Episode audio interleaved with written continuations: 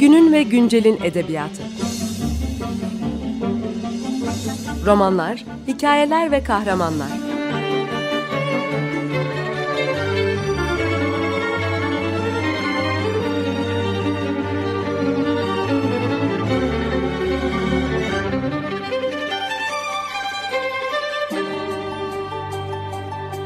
Hazırlayan ve sunan Seval Şahin.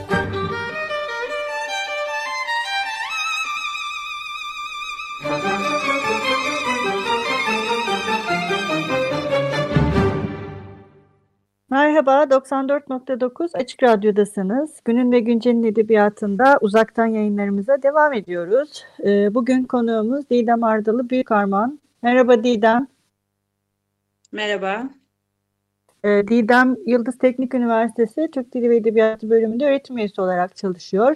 Kendisi daha önce de konuğumuz olmuştu ve o zaman İskender Fahrettin Sertelli'yi ve Şeytan Hadiye polisiyesini konuşmuştuk. Ee, bugün yine e, Didem'in çalışma alanlarından e, bir başkasını Yakup Kadri'yi ve kiralık konağı konuşacağız. Ee, istersen kısaca biraz Yakup Kadri'nin bizim edebiyatımızdaki yeriyle başlayalım mı kısaca Didem? E, olabilir tabii. E, tekrar merhaba. Bu ikinci e, programa da davet ettiğin için teşekkür ederim. Bu sefer uzaktan oldu. Evet. Sen İstanbul'dasın, ben İzmit'teyim. Ama Açık Radyo her zaman açık. Evet. E, Yakup, ben şimdi Yakup Kadri ile e, lisansüstü e, yıllarımda tanıştım tez olarak. Onun İktam gazetesinde yazmış olduğu makaleler vardı. Bunları daha önce kendisi Ergenekon adı altında e, bir araya getirmişti ama e, bazı makaleleri de hiçbir zaman yan yana gelmemişti. O nedenle e, bu makaleleri iktidarda toplayarak hani ben bir tez çalışması yapmıştım. O zaman da yine ilginç bir dönem belki hatırlatmakta fayda var. Ben o tez çalışmasını 99 senesinde yapmıştım ve o yılda büyük bir depremle sarsılmıştı Türkiye hatırlarsanız. Ben o tezi e, kütüphanede neredeyse yazamıyordum. Ama daha sonra e, bir takım gelişmeler oldu ve e, tez bitti. Şimdi de korona günlerinde yine e, Yakup Kadri ile yan yanayım. Bu da ilginç bir benim için anekdot. Felaketler ee, ve Yakup, Yakup Kadri. Yani benim benim hayatımda o şekilde denk geldi. Evet. Ee, Yakup Kadri tabii e, fecati dönemiyle birlikte hani ya, e, edebiyat dünyamızda tanınan biri. E, Birçok yakın arkadaşı var. İşte Nev Yunanilikle e, Yahya Kemal'le bir ilişkisi var. Mesela yine bu program için şöyle bir e, Yakup Kadri ile ilgili en sevdiğim hani anekdotları düşününce aklıma hani yine hatırlatmadan geçemeyeceğim. Şahabettin Süleyman geldi. Onun Gençlik ve Edebiyat Hatıraları kitabında Yakup Kadri çok hüzünle bahseder Şahabettin Süleyman'dan. Çünkü ikisi 1921 senesinde İsviçre'nin Davos şehrinde bir e, kür hastanesinde yan yana gelirler ve Yakup Kadri her zaman tüberküloz yani bir e, akciğer rahatsızlığı çekmiş bir yazarımız ve çok yakın arkadaşı Şahabettin Süleyman da oraya gelir. E, eşi İhsan Raif Hanım'la ve Şahabettin Süleyman orada İspanyol gribinden vefat eder. Ee, hmm. Yakup Kadri de bunu gençlik ve hat, edebiyat hatıralarında çok hüzünlü anlatıyor. Çünkü kendisi ben ölmeliydim diyor. Yani evet. benim ciğerlerim kötüydü diyor ama o hayata bağlı e, mutluluğu İhsan Raif Hanım'da bulmuş. E, hani bohem arkadaşım nasıl öldü diyor. Ve hatta ikisi yan yana odalarda yatıyorlar ve aralarında Şahabettin Süleyman ona hep böyle e, küçük kağıtlarla haberler yolluyormuş sağlığıyla ilgili.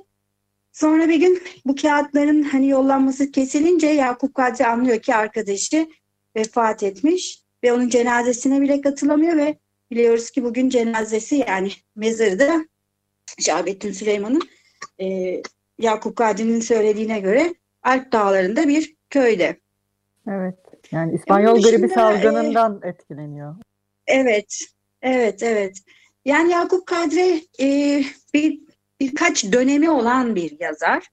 Yani edebiyata işte asıl fecaatiyle başlıyor. Hani sanat şahsi ve muhteremdir düsturunun hani grubunda. Oradan Nev Yunaniliğe geçiyorlar. Ama hemen bir Yunan Harbi nedeniyle bu akım e, itibar görmüyor. O dönemde genç kalemlerle kavgası var mesela dil üzerinden. Ama ardından e, Kurtuluş Savaşı'nın başlamasıyla e, yeni bir döneme hani edebiyatı evriliyor. Ardından Hı. erken Cumhuriyet dönemindeki e, kadro hareketiyle olan ilişkisi. Yani birçok döneme tanıklık etmiş. Kendi sanatını da bu çerçevede yenilemiş ama tabii ki her zaman hani özünde kendi üslubuna e, sadık kalmış bir yazar. İlk romanı hani Kiralık Konak 1920 evet, yani ilk dönem aslında İstanbul. değil mi? İlk dönemine ait evet, bir roman. Evet tabii. İlk dönemi. Yani onun aslında bütün romanları Osmanlı tarihinin bir evresini anlatıyor. Özellikle yenileşme devrinden sonrası. Ama e, kronoloji e, basım sırasına göre hani tarihi bir kronoloji iz, izlememiş anlattığı devirlerle evet. ilgili. Ama bütün romanlarını yan yana getirdiğimizde bir yenileşme hareketinden işte Cumhuriyet'in ilanına kadar ki bir süreci hani görüyoruz. Evet. Hatta ondan sonrası da Ankara dönemi hani devam ediyor. Yine anlatıyor. Hatta şey e, son evet. kitabı ilk dönem aslında anlatıyor. Evet. Bütün bu evet. halkanın başlangıcı. boşalttı. Geriye dönüyor evet. yani en son kitap. Kiralık konağa geçelim artık e, çünkü evet, tamam. e, şey e, biraz kısaca kiralık konak e, neden önemli e, bizim edebiyatımızda oradan başlayıp sonra senin bu sefer Yakup Kadri'nin kiralık konak bağlamında başka bir e, şekilde okuma önerine geri dönelim. Olur mu? Evet. Tamam. E, kiralık konak e, şu açıdan önemli. Çünkü bir e, bozulma sürecini anlatıyor. Ama merkezine bir kadın karakter alıyor. Çok e, ateşli bir karakter bu Seniha. E, zaten saçının rengi de, gözlerinin rengi de yani gözleri yeşil, saçları kızıl bir tutkulu karakter. Bu açıdan önemli. E, Naim Efendi ile açıyor. Yani Naim Efendiler Oyaz Kanlıca'ya taşınmadılar diye başlıyor ve tabii ki merkezinde de ilginç bir şekilde bir ev var. Bir bu evin kendi içerisinde bir konak, konağın temsil ettiği bir değerler. Ee, Naim Efendi, e, Seniha'nın babası, ondan sonra Hakkı Celit e, bu eksende hani bir nesil e, tartışmasına giriyor. Ve tabii ki e, en çok konuşulan e, o dönem için en büyük dertlerden biri olan ülkenin dönüşümüne bu belki de işte imparatorluğun yıkıma doğru gidişine herhangi bir e, müdahalede bulunmayan, kayıtsız kalmış ve kendi hani e, zevkine ve kendi zenginliğine bakmaktan hani e, utanmayan bir grup İstanbul insanını anlatıyor. O açıdan çok önemli. Genelde e, hani çok sevilerek kanonik bir metin. Çok oku, okunan bir metin. Yüz temel eserin içerisinde Yakup Kadri'nin iki romanı vardır. Tabii şimdi yüz temel eserle kalmadı ama sonuçta Yakup Kadri denince akla gelen iki önemli roman var. Bunlardan bir tanesi Kiralık Konak, diğeri de Yaban. Yaban. Ee, evet, şimdi genelde Hakkı Celis daha çok konuşulur. Hani Naim Efendi de önemli bir karakter tabii. Çünkü Naim Efendi ile açıyor eseri ama e, genelde Hakkı Celis. Hakkı Celis de e, senin de çok iyi bildiğin üzere bu e, hani Tanzimat'tan itibaren züppe tipinin bir başka şekli olarak hani e, edebiyat tarihimizde roman kahraman karakterleri içerisinde yer almış. Senin mavi siyahla ilgili konuşmamızda da hep yaptığımız gibi hani e, sanata meraklı, şiir yazan, e, duygusal. Ahmet Cemil gibi. Yani. E, Evet, tipi de onun gibi. Hani saçı, giyimi, evet. e, Batı edebiyatına olan hayranlığı, beslenme kaynağı olarak kendisinin e, Batı sanatından beslemesi. Evet. Ondan sonra e, aşk karşı bir tutkuyla bağlı olması.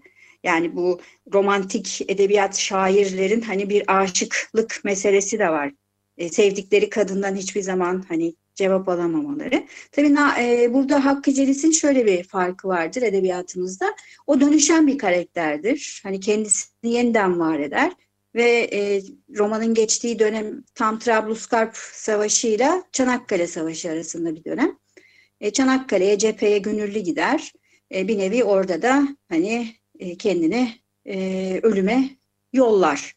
E, ona, o açıdan hani Hakkı Celis'in öyle bir özelliği var. Evet, savaşan bir karaktere dönüşüyor. Yani bir e, vatanpervere dönüşüyor Hakkı Celis.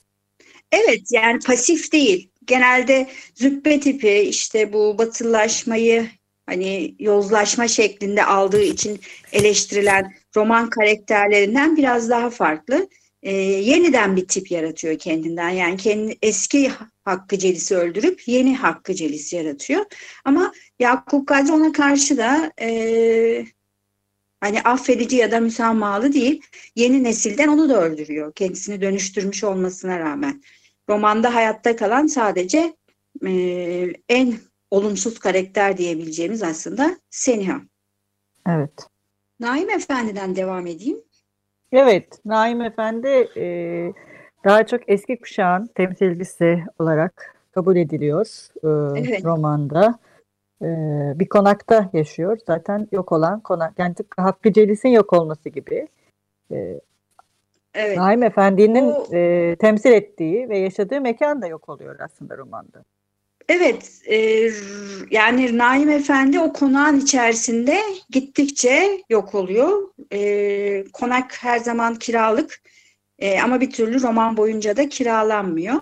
E, şimdi ben daha önce Naim Efendi üzerinden hani bu şimdi yaşlılık üzerinden çok düşünmedim bu romanı ama e, çağımız yani şu günlerde içinde bulunduğumuz bir Ya. e, zaman Hı. diliminde e, 65 yaş üstünün eve hani e, Hapsedilmesi. ba- bağlı kalması, hani dışarı çıkamaması meselesi üzerinden e, çok ilginç bir şekilde kiralık konakta da Naim Efendi e, figürü birden e, örtüştü bende. Tabii Naim Efendi'ninki zorunlu daha doğrusu e, hani devletin zorladığı bir durum değil ya da bir mecburiyet de değil. Ama e, Naim Efendi de buna e, gittikçe içinde bulunduğu çevrenin yaratmış olduğu hani koşullarla maruz kalıyor. E, şimdi şöyle bir pasaj var mesela romanda çok ilginç. E, bu pasajda bütün baskılarda yer almıyor. O da ayrı bir hikaye. Ama 1920 yılında işte İktam Gazetesi'ndeki tefrikada ve ardından 22 yılında Dergah Mecmuası külliyatından çıkan Arap harfli baskıda ve hemen ardından 39'daki yani hemen ardından olmuyor maalesef 17 yıl sonraki 39 e, 1939 yılındaki Latin alfabesindeki baskılarında var olan bir pasaj bu. E, Naim Efendi ile ilgili oradan bir bölüm okumak istiyorum. Hı hı. Şimdi Naim Efendi arabasının e, arabasının penceresinden geçtiği yerlere bakarken kendini yabancı bir şehrin sokaklarında kaybolmuş, nereye gideceğini, kime başvuracağını bilmeyen bir garip sandı. Gözleri bomboştu. Bütün gördüğü şeyler, ev, araba, hayvan, insan, telgraf direkleri, kaldırım taşları hepsi aynı şekilde, aynı cinste, aynı mahiyette, aynı manada bir takım eşya gibi geliyordu ve etrafındaki gürültüden korkuyordu. İlk defa sokakta geç kalmış bir çocuk gibiydi. Vaka hayatta geç kalmış bir ihtiyarın sokakta geç kalmış bir çocuktan farkı neydi? Her ikisi de gözle görülmez bir takım korkulu şeyler kovalar. Her ikisi de kafi derecede koşmaktan, kaçmaktan, en kısa ve emin yolu bularak yerine yani evine varmaktan acizdir. Şimdi bu parça beni çok etkiledi. Tekrar Evet. e, bugünlerin ışığında okuduğumda çocuk ve ihtiyarı aynı e, paragrafta birleştiriyor Yakup Kadri ve ikisini de e, hani hayatın içinde bulunulan anın e, korku ve bilinmezliğiyle kuşatıyor ve ikisini de aynı anda eve yolluyor. Yani e, Naim Efendi de zaten e, bu paragrafa gelinceye kadar başından hiç hoşlanmadığı, hiç alışık olmadığı bir durumlar geliyor Seniha yüzünden ve kendisini eve kapatıyor ve ondan sonra bir daha Naim Efendi hiç evden çıkmayacak ve evde gittikçe odaya kapanacak. Yani evin hakimiyeti de elinden gidecek.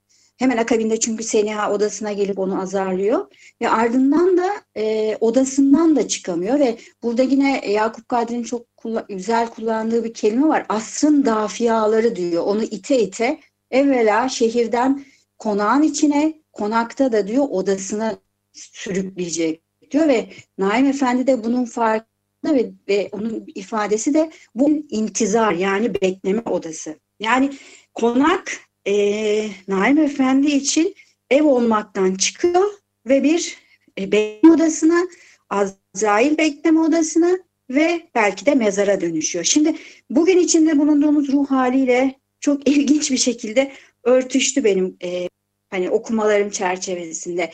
Evin alışılan e, o sıcak, hani kapsayıcı, insana iyi gelen ve hani insanın kendi eviyle kurduğu o olumlu ilişki aslında baktığımızda genel olarak kiralık konağın tamamında evin gittikçe ötekileşen, insanı rahatsız eden, hatta ve hatta hani ölümü hazırlayan yere dönüşme. E, bu açıdan ben e, romana e, yaklaşmış oldum bugünkü okumada ve bu da romanı bence iyi bir klasik yapıyor. Yani klasikler nedir sorusu her zaman okunun, okunduğunda insana yeni bir kapı açması. Yani Yakup Kadri'nin kiralık konağı bu açıdan e, bugüne benim şu anki e, zaman Ruh halimize. uymuş oldu.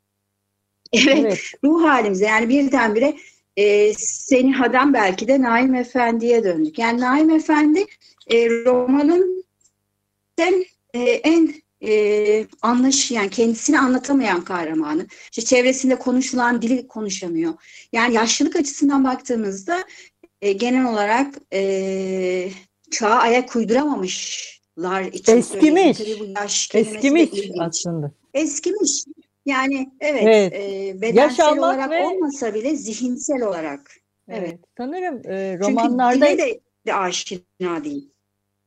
e, sanırım romanlarda e, bu fark da önemli bir şey, değil mi? Yani yaş almak ile eskimek aynı şey değil.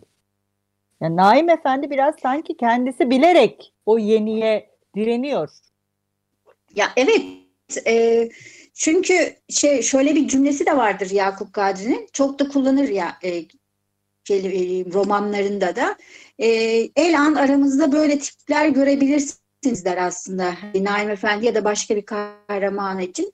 Ve sonra der Naim Efendi için diyor ki o aslında diyor bundan eski zamanlarda bile eski adamdı diyor. Yani Evet. şi- şimdiki zamanda değil eskiliği. Yani gençliğinde de eski biriydi o. Yani o Evet, kendisini zaten tanımlarken hiçbir zaman ana işte o popüler Genç. olana ya da güncel olana heh, genç olana hiçbir zaman e, bağlayamamış. E, kendisini hiçbir zaman onunla eş görememiş ya da ona o hıza yetişememiş. E, her zaman eski bir karakter. Gençken de eski. Onun için bu gençlik yaşlılık meselesi de ilginç. Yani yaşla ilgili olan bir durum değil. Tavırla, edayla, hisle ilgili olan bir durum. Genel olarak e, hani değerler sistemimizde yaşa do- e, bir saygı vardır, bilgeliğe. E, evin merkezine konması açısından da hürmet vardır. Mesela bu romanda Naim Efendi hürmeti, o bilgeliği hiçbir zaman da görmüyor. E, bu da ilginç bir durum. Yani kültürel anlamda, arketipsel anlamda bile düşünebiliriz nasıl e, e, düşünmeye izin verirse ama Naim Efendi'nin böyle de bir maalesef e, romanda e, geleceğin hani gelenekten gelen bir şeyi yok. Merkezi ve saygı duyulması gereken her zaman hani sevilip e, hürmet edilmesi gereken biri olarak hiçbir zaman romanda yer alamıyor. e, şimdi bu romanın yazıldığı dönemi de düşünürsek sanırım e, yavaş yavaş o Cumhuriyet'e giden e, yolla da ilgili bir şey. Öyle değil mi? Sonuçta yeni bir e, ülke ve yeni bir devlet kurulacak. Dolayısıyla hani yaşlılık bu anlamda hani o Cumhuriyet'in gürbüz çocuklarının da karşıtı bir şey olarak görünüyor sanırım. Değil mi? Evet, geçmişten gelen hiçbir şeyi kabul etmiyor Yakup Kadri. Onun için de kendisini dönüştürmüş olan belki Hakkı Celis'i yok ediyor. O da geçmişe ait kalıyor. E, her ne kadar kendisini dönüştürmüş olsa da e, ona yer yok. Benim aklıma hep Tevfik Fikret gelir bu noktada. Hani Halua der ki bir gün bu memlekette sabah olacaksa sen o gün beni öldür çünkü ben geçmişe aitim der. E, Evet, Tevfik doğru. Fikret'in bu görüşüyle Yakup Kadri'nin e, Hakkı Celis'i yok etmesi bana hep aynı düzlemde gelir. Ee, mesela şimdi sen bunu söyleyince benim de aklıma Namık Kemal geldi ki üçü aslında birbirine seven e, işte Namık Kemal'in Tevfik Fikret'in sevdiği Namık Kemal ve Yakup Kadri'nin sevdiği Tevfik Fikret diye düşünürsek hani Namık Kemal Cahizade Mahmut Ekrem'e ve Abd e, Abdülhamit'e kızar ya biliyorsun. Gözü yaşlı olmaktan başka evet. bir şey yapmıyorsunuz. Oysa bir vatan var. Hani bu vatan için kendinizi feda edebilir misiniz? Tabii tam olarak böyle değildi karşılığı ama sevmekle kurulan ilişkiyi e, bu şekilde tanımlaması ve onları zayıf görmesi de herhalde o halkanın devamı olarak evet. yani Hakkı Celis'in ölmesinin e, somutlaşması ta oralardan başlıyor sanırım. Yani genç olmasına rağmen yaşamaya devam edemez. Çünkü o, onun da e, Naim Efendi'den bir farkı yok. Zaten romanda da Naim Efendi ile en iyi anlaşan Hakkı Celis değil mi kiralık konakta? Evet, en iyi anlaşan. Evet, evet. Ölümün ölüm yani ölüm döşeğinde yanında olamıyor o sırada cephede. Hatta Hakkı Celis'in ölüm haberi Naim Efendi'ye söylenmiyor bile ama Naim Efendi ile Hakkı Celis her zaman birlikteler. E, hatta işte torunlarından ayrı görmüyor onu ama ikisinin tek bir ortak noktası var. E, yani çünkü Naim Efendi Hakkı Celis'e acayip bir çocuk gözüyle bakıyor. Onun anlattıklarının hepsi ona tuhaf geliyor. Özellikle şiir anlayış. Şiir yazıyor olması zaten başlı başına bir tuhaflık ama e, Hakkı Celis'in bahsettiği her şey ona tuhaf geliyor. İkisinin tek bir ortak noktası var. Seniha. E, Seniha'nın e, ev içi bilgen, evle ilgili bilgileri Naim Efendi, dış dünya ile ilgili bilgilerini de Hakkı Celis hani haber olarak getirdikleri için ikisinin tek konuştukları konu da zaten her zaman o oluyor. Mesela cepheyi falan sormaz Naim Efendi Hakkı Celis'e ya da dünyanın ahvalini sormaz, ülkenin durumunu sormaz. Hatta merak etmez, sıkılır. Ee, tek konuşmak istediği konu vardır ki o da Seniha. Ama Seniha'dan bahsedince de Hakkı Celis e, anlattıkları ona tuhaf gelir. Yine inanmaz. E, şair çocuklar uyduruyor bunları. Evet. Yani aslında e, neredeyse bir diyaloğun olmadığı bir iletişim şekli bu ikisi arasındaki. Tabii. Evet ama e, şey Hakkı Celil merhameti torunlarının hiçbir zaman Naim Efendi'ye göstermediği bir merhamet. E, onu ayrıca seviyor Naim Efendi'yi de Hakkı Celis e, onun e, içinde bulunduğu durumu anlıyor, ona üzülüyor. E, yani Seniha'nın dışında da bir e, büyük baba şeklinde, bir dede şeklinde Naim Efendi'ye karşı bir şefkati var. Ama bu tabii nostaljik bir şefkat de olabilir. Hani Hı. geçmişe duyulan bir sevgi gibi. Aslında bu e, ikisi arasındaki ilişki e, bir de romandaki erkek kırılganlıklarının da görüldüğü yerler değil mi? Bunlar kırılgan erkekler ve bunları gösteriyorlar diğer erkeklerin aksine romanda. Evet gösteriyorlar ama e, şey diğer bir erkek Faik mesela o da gösteriyor. Yani ben onun için Yakup Kadri'yi çok seviyorum. Kimseyi e, şey yapmıyor. Hepsine tek bir hepsine birer sahne yazmış gibi. Yani romanın başından itibaren sıraya hepsi e, kendilerinin iç dünyalarını açık ederek e, hani Çıkıyorlar. romandan çekilip gidiyorlar. Evet yani hepsinin bir tiradı, hepsinin şöyle bir kendisini soyduğu yer var. Son soyunan da zaten Seniha olacak. Faik'in de var. Yani Faik de çok güzel bir meyhane sahnesi var Hakkı Celis'le birlikte. Orada hem içiyor hem kendinden hem kendi zavallılığının farkındalığından bahsederek e, hani kendisini açık ediyor. Ama yine çok güzel bir şekilde bir sonraki bölümde de hiç onlar yaşanmamış gibi sanki çok güçlüymüş gibi devam ediyor. Onun için Yakup Kadri benim için iyi, çok sevdiğim bir yazar. Bütün kahramanlarını böyle göstermesi açısından. Evet, onun genel olarak üslubunda her bir karakterini e, gözümüzün önünde soyması da evet e, iyi bir tespit bence de. E, son olarak e, şunu da söyleyelim. Didem uzun bir süredir Yakup Kadri'nin e, kiralık konağının eleştirel basımı için çalışıyor. E, ümit ediyoruz 2020'de artık bu yayınlanacak. Ne diyorsun Didem? Evet, e, maalesef bu zor zamanlarda herkes bir şey fırsata çevirdik diye şöyle bir kendinden bahsediyor ya. Yani eve kapanmış olmak sanki muhakkak sosyal bir, bir yeni bir şey yapmanın fırsatıymış gibi. Hani bunlar da tweet ortamında bazen olumsuz oluyor. E, ben de kendimce hani e, bütün bu korkulardan işte evde olmanın yarattığı e, ruh hallerinden sıyrıldıkça evet yeniden Yakup Kadriye ve kiralık konağa döndüm.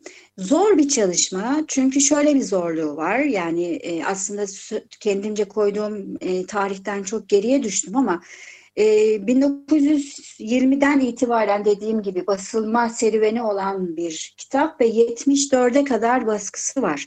Yani yazarın hayatta olduğu ana kadar işte 39, 40, 50, 60, 70 her 10 e, yılda bir yeniden basılmış ve e, bu şekilde olduğu için de e, karşılaştırmak ve eleştirel basım hazırlamak benim için çok zor oldu.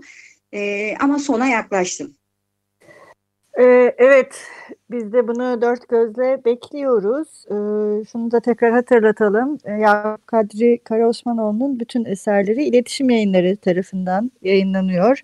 Ee, ve eserlerinin bir kısmı e, eleştirel basım olarak da yayınlanacak ileriki e, süreçte. Didem çok teşekkür ederiz.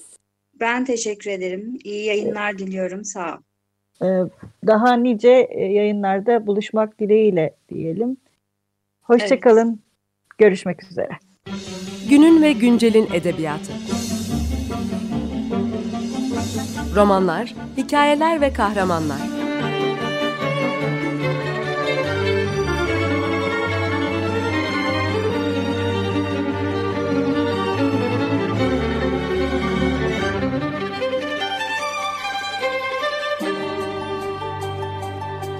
Hazırlayan ve sunan Seval Şahin.